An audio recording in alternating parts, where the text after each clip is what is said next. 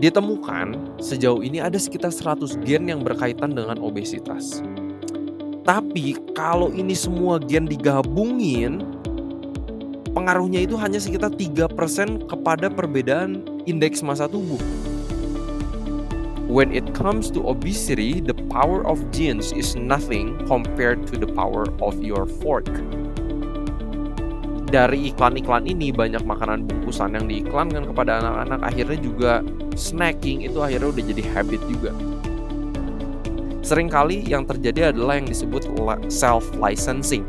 Self licensing ini adalah jadinya orang-orang yang sering kali pakai weight loss supplement, oh iya saya udah pakai suplemen kan, akhirnya mereka makannya nggak mau dikontrol mereka makan lebih banyak jenis yang mereka udah nggak pikirin lagi karena mereka udah pakai weight loss supplement dan ini yang bahaya self licensing.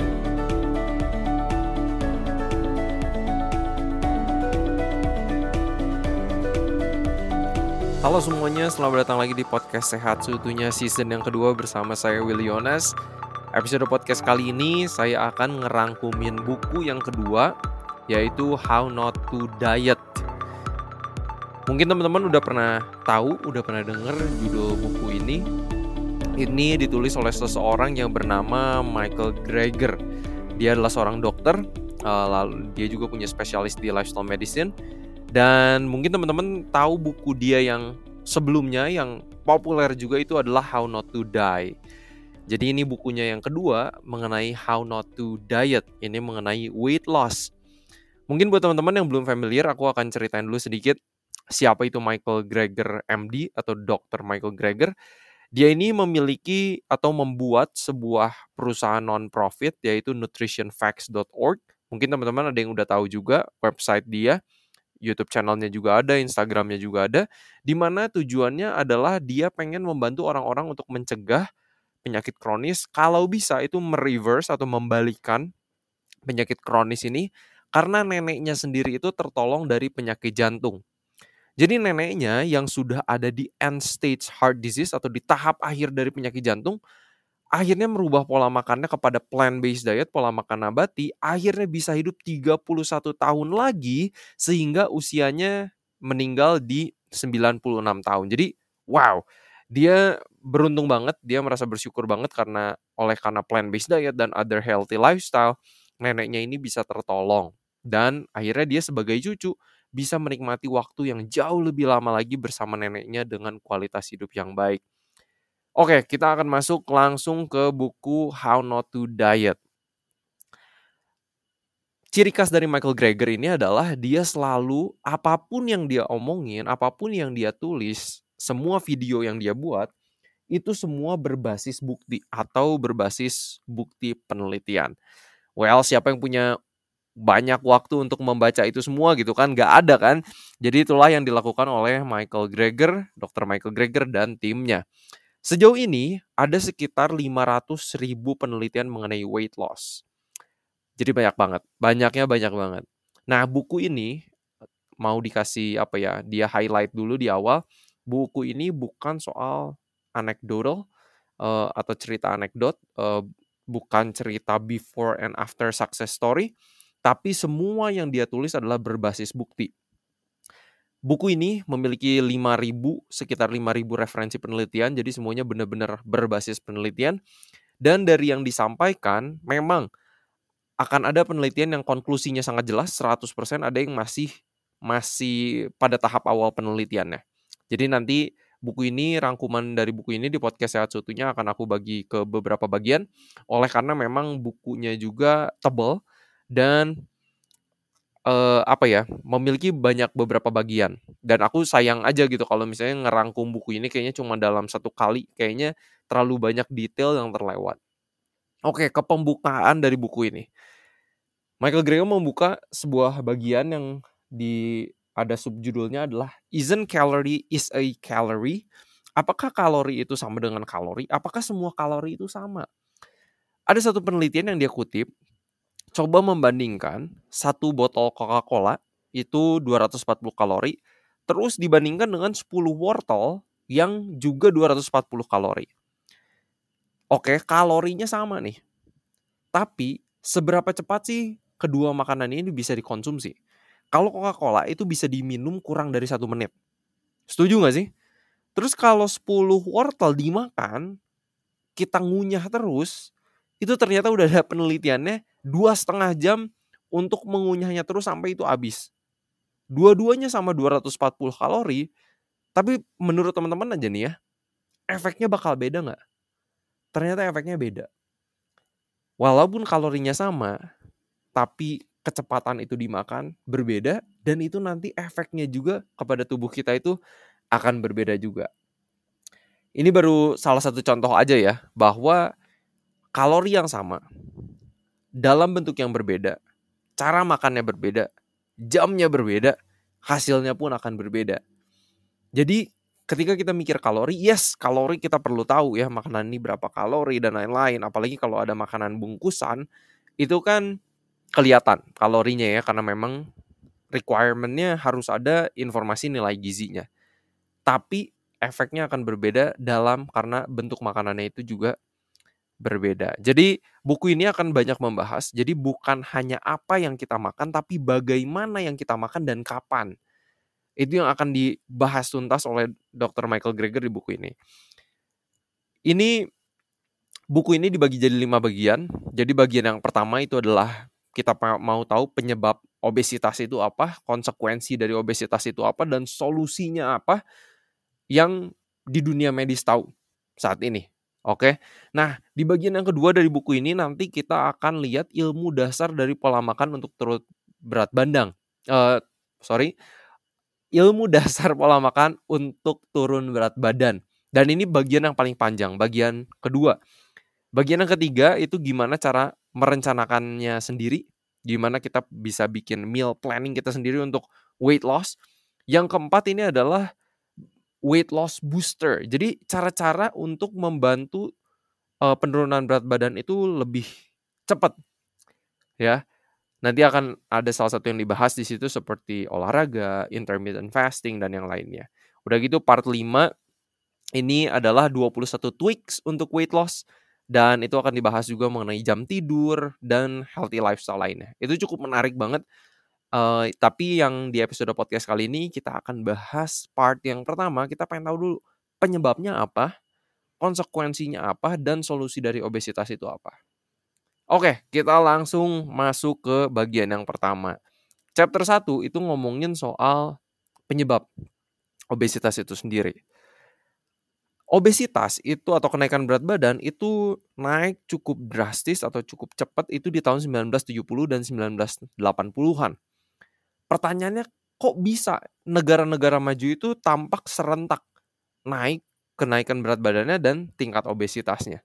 Apakah mereka jadi kurang jalan kaki, kurang bersepeda karena infrastruktur misalnya gitu kan? Tapi kan semua negara berbeda. Ada negara-negara yang ramah kepada pejalan kaki, pesepeda, tapi kok negara-negara maju ini yang kondisi infrastrukturnya beda-beda, kok tingkat obesitas dan kelebihan berat badannya meningkat? Apakah kurang willpower, kemauan? Tapi masa sih dari ribuan jutaan orang yang di negara yang beda-beda tiba-tiba nggak punya willpower yang sama dan tiba-tiba mereka langsung makan banyak banget langsung tingkat obesitas dan kelebihan berat badan itu meningkat. Really? Gitu kan? Nah, memang kalau kita lihat ini dari banyak sisi ya, mungkin uh, di buku Michael Greger ini banyak menyebutkan brand. Jadi be aware karena food industry itu banyak bilang, "Oh, kelebihan berat badan atau obesitas itu karena kurang olahraga," gitu kan. Tapi uh, sampai sampai CEO-nya Pepsi itu bilang kalau semua orang olahraga obesitas itu nggak akan ada. Hah, ini kan menarik banget gitu kan menarik banget. Tapi perusahaan-perusahaan industri ini juga adalah mereka melakukan sesuatu yang namanya lean washing. Artinya perusahaan ada usaha untuk membantu menurunkan berat badan, tapi tidak sadar mereka mem ternyata memiliki andil kepada meningkatnya tingkat obesitas. Jadi banyak perusahaan-perusahaan food industry ini mereka apa ya dalam tanda kutip nggak mau mengakui bahwa mereka mengambil andil kepada kenaikan berat badan dan obesitas ini. Karena mereka di websitenya bilang, "Oh ya kita bantu kok orang-orang untuk menjaga kesehatan mereka dan memiliki kese ke berat badan yang yang seimbang." Contoh, perusahaan Nestle. Nestle ini brandingnya adalah the world's leading nutrition, health, and wellness company. Sedangkan dia punya ratusan cookies dan permen yang motonya good food, good life. Ini kayak ada yang kontrari gitu, ada ada yang berlawanan, bertolak belakang di sini gitu kan. Terus Dr. Michael Greger bilang, dia cari tahu coba coba dia pergi ke websitenya Nestle deh. Apa sih yang Nestle lakukan untuk mencegah obesitas pada anak-anak? Terus pas dia klik tulisannya yang keluar page not found error.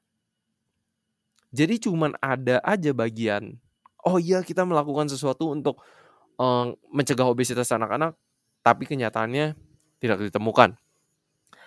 Banyak juga yang menungga, menduga ya kan kalau ini kurang olahraga, kurang olahraga. Tapi sebenarnya kalau kita ngomongin kelebihan berat badan dan obesitas, gak ada yang bisa menyebabkannya selain dari apa yang masuk ke mulut kita. Iya gak sih? Gitu kan? Jadi sekarang kita ada juga yang bertanya, apakah ini disebabkan oleh genetik dibandingkan dengan makanan? Jadi ditemukan sejauh ini ada sekitar 100 gen yang berkaitan dengan obesitas. Tapi kalau ini semua gen digabungin, pengaruhnya itu hanya sekitar 3% kepada perbedaan indeks massa tubuh. Jadi sebenarnya genetik itu nggak terlalu besar gitu. Kecil banget justru malahan efeknya. Dibilang ini aku kutip dari salah satu kutipan dari buku How Not to Diet.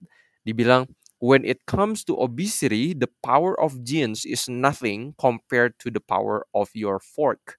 Aku ulangi sekali lagi, when it comes to obesity, the power of your genes is nothing compared to the power of your fork.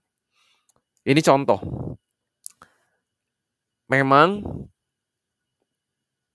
pengaruh lingkungan itu jauh lebih besar daripada genetik. Sebuah penelitian meneliti anak yang bertumbuh dengan orang tua biologis yang overweight orang tuanya.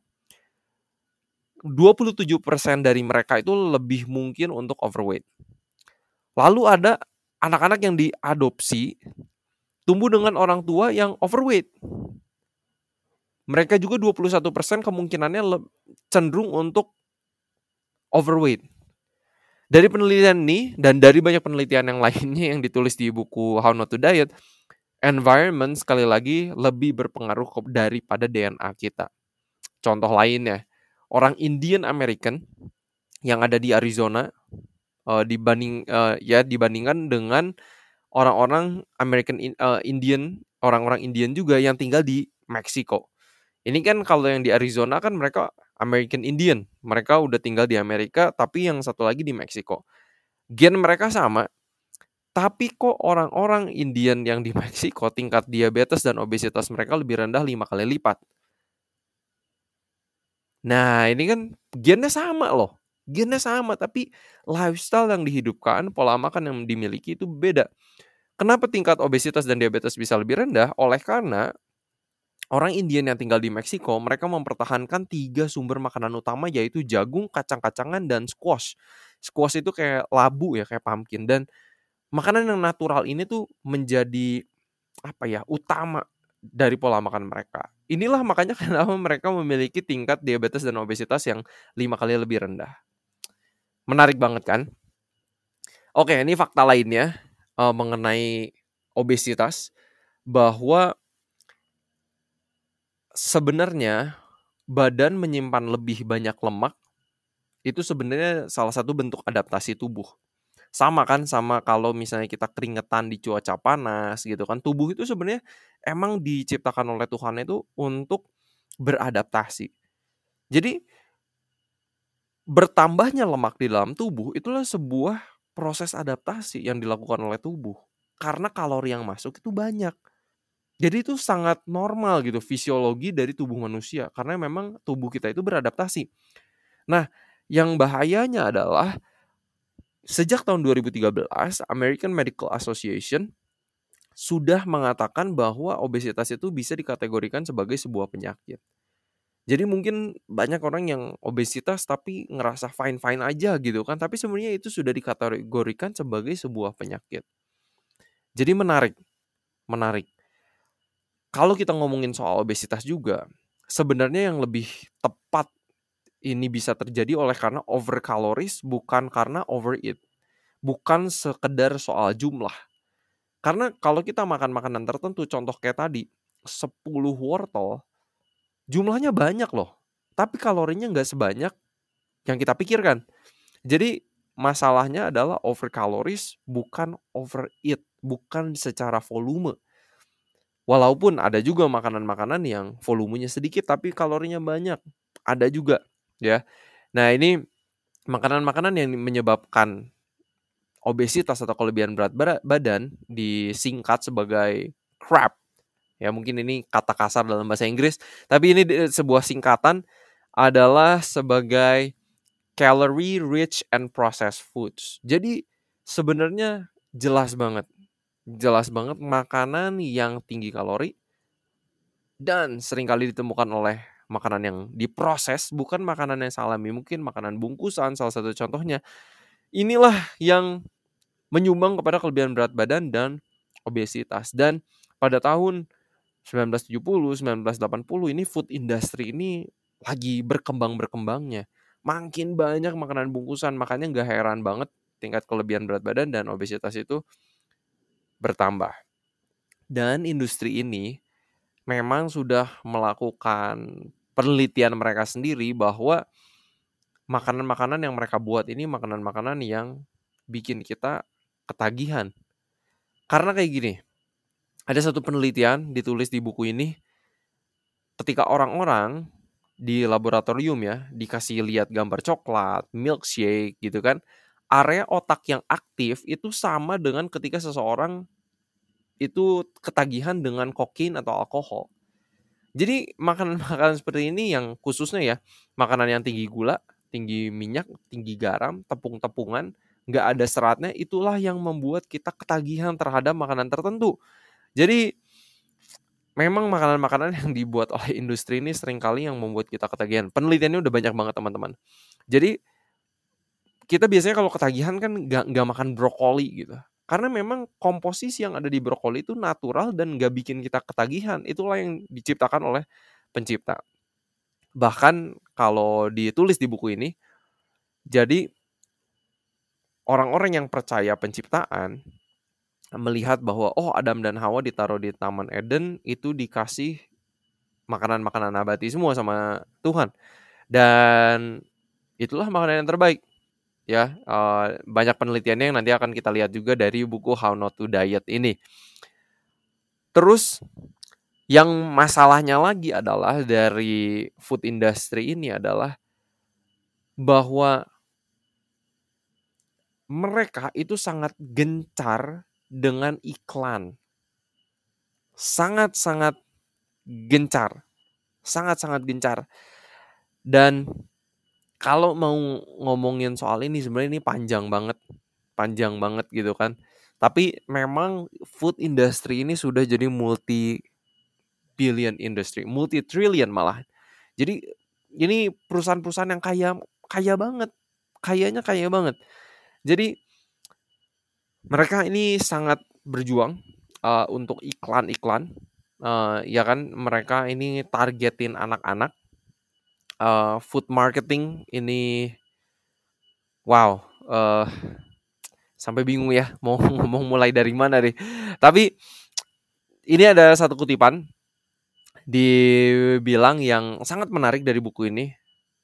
Dibilang kayak gini, insidious marketing manipulations should be considered in the same light as invincible carcinogens and toxins in the air and water then can that can poison us without our awareness. Jadi marketing-marketing yang justru memanipulasi banyak dari pikiran manusia, apalagi anak-anak gitu kan ini harus dibilang juga sebagai karsinogen atau karsinogen itu istilah yang bisa membuat uh, menyebabkan kanker.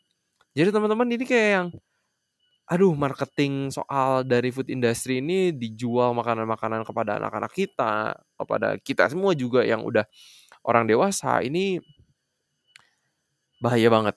Uh, kita perlu aware karena secara nggak sadar gitu kan kita tertanam di otak kita udah gitu akhirnya pilihan makanan-makanan seperti itu yang akhirnya kita pilih. Kenapa sih orang-orang ini apa ya? Ya food industry ini bisa growing jadi multi trillion industry gitu. Dibilang sama Dr. Michael Greger juga sekali lagi adalah healthy eating is bad for business. It's not some grand conspiracy, it's not even anyone's fault. It's just how the system works. Jadi memang sistem yang ada mungkin nanti kita akan akan singgung lebih banyak lagi. Uh, healthy eating is is not the best for business. Kita nggak akan bisa uh, bikin multi trillion dollars. Kalau kita jualannya makanan-makanan yang fresh karena makanan fresh itu kan busuk juga. Dan mengenai sistem juga. Ini bersaing berkaitan dengan policy yang ada di negara-negara masing-masing. Tapi um, ya ini concern yang besar. Karena sepertinya kita juga harus fight terhadap policy. Terus dari iklan-iklan ini banyak makanan bungkusan yang diiklankan kepada anak-anak akhirnya juga snacking itu akhirnya udah jadi habit juga. Ya kan di pom bensin, di minimarket, di mana aja pokoknya toko-toko kecil itu makanan-makanan bungkusan udah bisa ditemukan gitu. Bah bahkan ini satu jurnal di The New England Journal of Medicine menulis bahwa kita perlu melindungi anak-anak kita dari massive marketing campaigns. Dibilang dalam bahasa Inggrisnya we kita perlu melindungi children from life-threatening illness be undermined by massive marketing campaigns from the manufacturers of junk foods. Dan ini ada fakta yang menarik. Sekarang dokter anak itu disarankan untuk mendiskusikan tentang kentang goreng atau french fries dengan ketika anaknya itu sedang cek ke dokter di usia 12 bulan. Bahkan disarankan jangan tunggu sampai usia 20 tahun eh 2, 2 tahun dulu. Karena zaman sekarang 2 per 3 anak sebelum ulang tahun yang pertama juga sudah pernah mencoba makanan junk food. Jadi ini yang disebut dengan French fries discussion. Dokter anak dengan orang tua dengan anak-anaknya itu harus mendiskusikan tentang makanan proses food kayak gini. Ngeri banget. Dan sebenarnya pattern ini apa ya sudah bisa kita lihat sebelumnya dari perusahaan-perusahaan rokok, gitu kan? Perusahaan-perusahaan rokok ini nggak bisa kita pungkiri ini mereka lobbying powernya itu besar, ya bermain di regulasi untuk membuat perusahaan mereka ini tetap menghasilkan profit.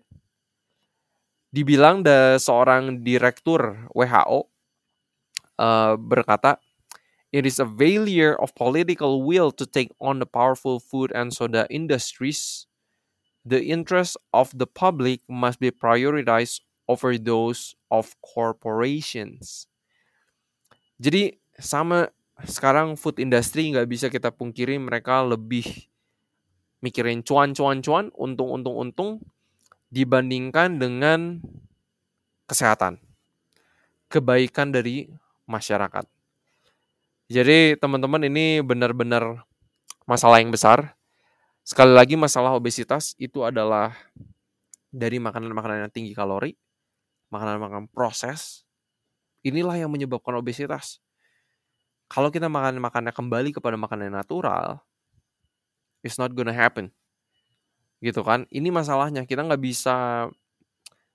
Uh, ini masalah yang kompleks karena ini banyak berkaitan dengan policy dan lain-lain gitu kan. Tapi jelas banget obesitas kelebihan berat badan hanya terjadi because of the food we eat. Hanya oleh karena makanan yang kita makan. Gak ada alasan yang lain. Karena hanya makanan yang kita minum atau minuman yang kita minum yang berkalori itulah yang bisa menimbun lemak di tubuh kita. Gak ada yang lain. Ada orang yang bilang kayak, oh iya saya cuman ngehirup udara aja kayaknya udah naik berat badan. No way gitu kan. Mungkin ya itu bercandaan sih, cuman uh, there's no way kita bisa naik berat badan kalau kita ya makan makanannya yang yang kalorinya tinggi gitu kan. Oke, nah itu bagian yang pertama. Jadi causes disebabkan oleh caloric rich and processed foods. Konsekuensi dari obesitas itu sendiri, bagian kedua dari bagian yang pertama buku ini adalah konsekuensi dari obesitas ini banyak banget. Uh, Michael Greger tulis A B C D E F G gitu ya, A berabjad semua. Ada dari artritis, ada back pain and blood pressure, ada cancer, ada diabetes, ada eh, encephalopathy, terus ada fertility, kesuburan, ini juga sangat berkaitan dengan kelebihan berat badan. Udah gitu ada resiko batu empedu, ada GERD, ada heart disease, immunity tubuh kita, ada jaundice, ada kidney, uh, kepada ginjal kita juga itu bisa berpengaruh. Jadi teman-teman, saya nggak akan bahas detail, tapi konsekuensi dari konsekuensi dari obesitas itu banyaknya banyak banget lah. Banyaknya pokoknya banyak banget. Nah, sekarang kita akan ke bagian yang selanjutnya dari bagian yang pertama adalah terus solusinya apa dong? Gitu kan? Kalau dari bagian medis itu sendiri ada bariatric surgery. Nah, ini basically adalah operasi yang mengecilkan perut seseorang supaya akhirnya juga makannya jadi lebih dikit, bisa turun berat badan. Nah, biasanya lambung kita itu sebesar sekitar dua bola softball. Tapi dalam beberapa kasus bariatric surgery ini banyak jenisnya juga. Itu bisa perut lambung kita dikecilin jadi cuma satu bola tenis atau sebesar bola golf aja. Nah, memang ini datang dengan resiko. Ya, ada resiko malabsorption, penyerapan makanan itu jadi nggak bisa maksimal oleh karena kan perutnya juga jadi lebih kecil. Ya kan, resiko kurang gizi itu jadi ada. E, mengalami eating disorder itu juga jadi bisa ada. Terus udah gitu, kalau sampai naik berat badan lagi karena ada juga yang mengalami seperti itu, ini tampaknya efek kepada psikologi mereka itu cukup berat. Kenapa? Karena mereka udah melakukan surgery, udah dioperasi, kok masih naik lagi gitu kan berat badannya. Dan walaupun ini kejadiannya satu dari 50 bariatric surgery patients, tapi ada sampai pasien-pasien yang akhirnya mencoba untuk bunuh diri oleh karena hal ini. Benefit dari bariatric surgery ada. 55% pasien yang obesitas dan diabetes dan juga 75% super obese itu akhirnya diabetesnya bisa on remission atau bisa dibilang sangat terkontrol sampai nggak pakai obat lagi ini dari penelit dari penelitian yang dibagikan di bukunya juga ya dan jadi bariatric surgery ini sebenarnya ada tempatnya ada tempatnya karena contoh kalau orang lagi tenggelam masa kita suruh bilang sok belajar berenang dulu gitu ya enggak kan jadi bariatric surgery has its own place ya. Terus gimana dengan sedot lemak? Ini juga ada kalau sedot lemak bisa turun lemaknya sampai 20% dan lain-lain. Tapi yang berkurang itu adalah lemak yang di bawah kulit, bukan lemak yang ada di antara organ dalam kita yang namanya visceral fat.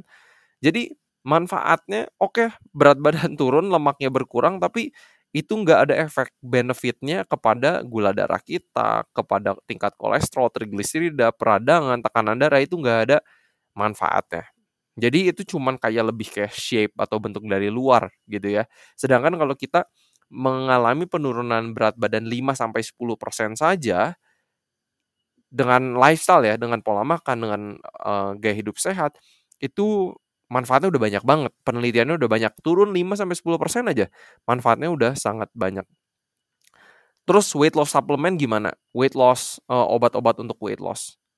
Basically lupakan itu semua karena nggak efektif, ada efek sampingnya sangat tidak disarankan. Bahayanya juga dengan weight loss supplements atau uh, medication ini adalah sering kali yang terjadi adalah yang disebut self licensing self licensing ini adalah jadinya contoh ketika seorang perokok dikasih suplemen vitamin C, mereka merasa lebih sehat gitu kan. Ini merasa ya, bukan benar-benar sehat, tapi mereka merasa lebih sehat. Akhirnya mereka akhirnya ujung-ujungnya merokok lebih banyak. Orang-orang yang sering kali pakai weight loss supplement, oh iya saya udah pakai suplemen kan. Akhirnya mereka makannya nggak mau dikontrol. Mereka makan lebih banyak jenis yang mereka udah nggak pikirin lagi karena mereka udah pakai weight loss supplement dan ini yang bahaya self licensing. Ini ini bahaya. Terus solusi itu solusi dari bidang medis ya. Tapi apalagi solusi yang bisa kita lakukan adalah sebenarnya policy approaches. Policy approaches ini adalah kita juga harus perlu ada orang-orang yang bergerak di membuat hukum. Karena nggak bisa dipungkiri bahwa industri yang besar ini semuanya punya lobbying power. Mereka punya uang untuk sampai akhirnya ya produk mereka cuannya makin banyak tapi kesehatan masyarakat nggak terlalu dipikirin. Sebenarnya memang mereka buat buat buat perusahaan itu bukan bertujuan untuk membuat orang gemuk, bukan. Tapi untuk menghasilkan uang gitu. Tapi nggak bisa kita pungkiri banyak sekali penelitiannya makanan-makanan proses ini, makanan-makanan tinggi kalori ini inilah yang akhirnya membuat kita naik berat badan dan kondisi masyarakat sekarang kayak kayak gini gitu kan sekarang kan. Jadi kenapa sih mereka nggak bisnis makanan yang asli aja gitu? Karena simply because real food goes bad. Dan pada bisnis industri makanan ya that's where the money is gitu. Ketika mereka bikin makanan-makanan bungkusan. Tapi apa yang bisa kita lakukan nih dalam sisi policy? Kalau kita dalam hal rokok yang sudah pernah diaplikasikan, saya kurang tahu banyak di Indonesia seperti apa, uh, udah berhasil sampai tahap mana. Tapi kalau di luar negeri itu pajak rokok udah dinaikkan gitu kan. Dan ini juga yang mungkin kita perlu perjuangkan untuk kepada makanan-makanan yang tidak sehat. Pajaknya harus naik. Udah gitu juga rokok ada front of pack labeling. Jadi dituliskan di labelnya jelas-jelas ini dapat menyebabkan kanker, impoten dan lain-lain. Dan itu mungkin yang juga kita perlu fight bahwa makanan-makanan bungkusan kayak gitu bisa meningkatkan resiko penyakit apa apa apa dan itu juga yang perlu kita uh, fight dalam policy approaches. Dan juga yang terakhir adalah restriksi dalam mengiklankan itu kepada anak-anak. Ini juga harus di fight ya kan kalau teman-teman perhatiin di rokok gitu kan oh mereka cuman boleh iklan di TV itu di atas jam 10 malam kalau nggak salah. Dan itulah yang kita harus batasi juga karena kalau teman-teman perhatiin di TV Indonesia ketika itu ada acara anak-anak film kartun gitu kan itu iklan makanan bungkusan banyak banget nggak ada iklan makan sayur buah biji-bijian kacang-kacangan dan bahkan WHO sendiri mengkalkulasi kalau harga rokok naik 70% secara global, secara keseluruhan ya, itu bisa mencegah seperempat kematian oleh penyakit yang berkaitan dengan rokok. Dan kalau ngomongin pajak, kalau aja misalnya minuman manis itu kita pajak satu dolar per ounce per ounce, setahun itu bisa lebih dari satu juta dolar terkumpul dari state seperti Texas dan California. Uangnya bisa dialihin buat hal yang lain yang bermanfaat banget gitu kan. Kalau aja kita pajaknya hanya naik satu dolar gitu. Dan banyak banget penelitian yang lainnya. Contoh kalau misalnya systematic review ya penelitian yang systematic review kalau aja harga sayur buah itu bisa lebih murah orang akan banyak yang lebih beli. Dan kalau harga makanan bungkusan itu naik pembelian pasti makin berkurang jadi inilah yang perlu kita fight. Gimana nih caranya kita bikin sayur buah, makanan-makanan yang natural itu makin murah, bahkan disubsidi karena daging-daging di Amerika kayak gitu itu banyak subsidi. Makanya kenapa makanan daging-daging, makanan proses, makanan junk food itu bisa murah di Amerika Serikat karena ada subsidinya. Karena mereka punya lobbying power dan itu sangat menyedihkan, sangat menyedihkan sebenarnya. Dan ada penelitian yang menghitung kalau harga sayur buah bisa turun satu persen saja secara umum, orang akan beli dan konsumsi sekitar 10.000 kasus serangan jantung dan stroke itu bisa berkurang setiap tahun ya. Banyak nyawa yang bisa bisa terselamatkan. Dan advertising ini juga salah satu hal yang perlu kita fight. Kita fight. Um, karena banyak banget yang dimainin juga uh, dari sisi marketing orang-orang food industry ini kita akui sangat pintar. Sangat pintar. Oleh karena gini sekarang brandingnya lucu juga gitu. Oh mereka jualan burger gitu kan. Kira ini ada ada kelompok orang mereka diminta untuk menebak nih burger ini kira-kira berapa kalori? Oke, mereka tebak, oh kira-kira rata-rata dari mereka menebak di rata-ratain 734 kalori. Tapi udah gitu ketika burger itu ditambahin tiga batang seledri aja, terus orang-orang disuruh tebak lagi, mereka menebak burger itu hanya 619 kalori. Loh, emang seledri ini bisa ngurangin kalori gitu ya? Ya enggak gitu kan, tapi inilah yang disebut dengan health halo effect. Orang merasa, wah dikasih sayur dikit udah udah sehat nih dan itu juga strategi yang dipakai dengan food industry, junk food uh, industries kasih sayur dikit mereka orang ngerasa oke okay, lebih baik nih gitu kan udah dikasih sayur dikit. Tapi itu banyak banget teknik marketing mereka yang dibahas juga di buku How Not to Diet. Aku nggak rangkumin secara detail yang sangat bisa memanipulasi pikiran kita. Jadi be aware be aware. Dan kalau dari anak-anak itu concernnya adalah sereal-sereal. Mungkin di Indonesia nggak terlalu banyak tapi mulai juga saya lihat makan pagi sereal pakai susu gitu kan uh, Harvard Nutrition Professor Jane Mayer itu menyebutkan sereal anak-anak itu adalah sugar coated nothing. Jadi itu basically kita anak-anak kita cuman makan gula gitu. Dan CEO dari Kellogg atau dan Oscar Mayers itu mengatakan juga seperti ini. Our primary goal is to sell products to children, not to educate them. Memang jelas banget gitu mereka tujuannya adalah profit, profit, profits gitu. Dan kalau salah satu serial di Amerika yang terkenal itu adalah Fruit Loops, uh, itu 44% dari total beratnya itu adalah dari gula. Ngeri nggak sih teman-teman? Ngeri banget kan? Anak-anak kita kalau kita kasih makan sereal-sereal, makanan-makanan bungkusan tinggi kalori, nutrisinya nggak adaan. Gitu kan walaupun ujung-ujungnya di, juga difortifikasi sih, ditambah-tambahin ya. Um, banyak ahli-ahli kesehatan yang sudah berusaha fight melawan industri industri makanan di Amerika Serikat di White House. Tapi sekali lagi mereka kalah dengan lobbying power mereka karena big food industry ini bahkan dicatat ini semuanya ada quotationnya, referensinya di buku How Not to Diet. Mereka mengeluarkan sekitar 175 juta dolar untuk membuat kasus ini akhirnya menjadi silence, jadi padam, jadi nggak dibahas-bahas lagi. Well, teman-teman itu bagian pertama dari How Not to Diet. Saya sendiri sangat enjoy membacanya. Banyak sekali informasi baru yang saya dapat.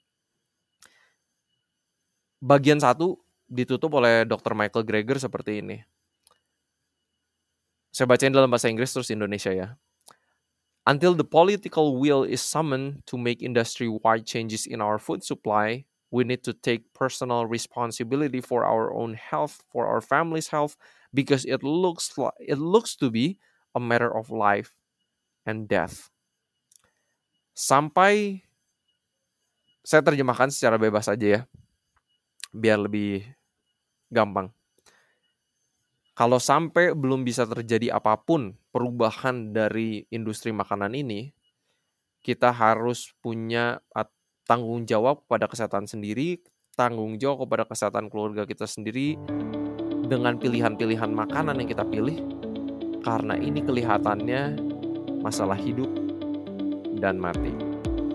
Itulah bagian pertama dari buku How Not to Diet mengenai penyebab obesitas, apa yang terjadi di bidang food industry, konsekuensinya, solusinya. Tadi ada beberapa dari uh, bidang medis, ya ada bariatric surgery, liposuction, uh, weight supplements, semua tapi intinya adalah semua kelebihan berat badan, obesitas terjadi it's because of our food.